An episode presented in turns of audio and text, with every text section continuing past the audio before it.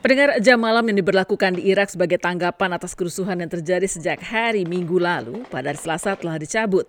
Tetapi mengingat masih belum kondusifnya situasi keamanan di negeri 1001 malam itu, terutama di ibu kota Baghdad dan beberapa kota di dekatnya, Duta Besar Indonesia untuk Irak, Elmar Iwan Lubis, tetap meminta seluruh warga Indonesia untuk tidak keluar rumah dulu. Untuk tetap tinggal, untuk tetap tinggal di mana mereka berada, sama dengan kami orang KBRI sampai saat ini seperti juga semua uh, orang asing yang ada diplomat asing juga tinggal di dalam mengikuti aturan uh, negara setempat terus melakukan komunikasi kontak dengan KBRI. Ada sekitar 491 warga Indonesia yang tinggal di Irak, sebagian besar di kota Baghdad dan Basra.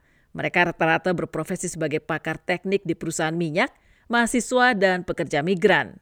Sejauh ini, KBRI di Irak senantiasa berkomunikasi dengan simpul-simpul warga Indonesia itu.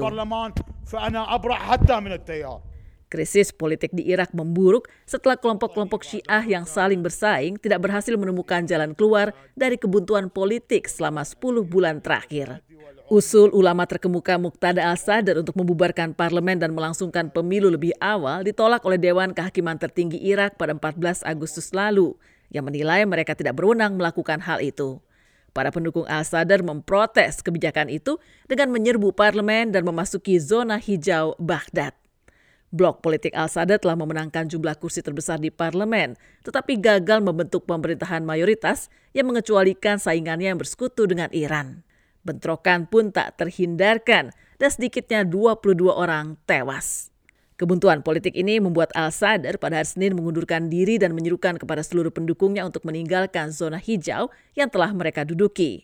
Pengamat Timur Tengah di Universitas Indonesia, Yon Mahmudi, mengatakan ia memahami alasan pengunduran diri Al-Sadr. Meskipun menurutnya hal ini justru dapat membuat situasi di Irak semakin berbahaya. Dia frustasi dengan kondisi yang ada dan ini akan membahayakan kalau kemudian apa yang terjadi di lapangan itu tidak uh, terkendali ya sehingga menimbulkan kemarahan dari pendukung uh, sadar sendiri uh, terhadap realitas politik uh, yang ada dan Yon menilai di titik ini dibutuhkan bantuan dari pihak luar baik dari Amerika ataupun PBB untuk mendorong berlangsungnya dialog nasional antar kelompok-kelompok yang bertikai di Irak. Saya Musreva, VOA, Washington.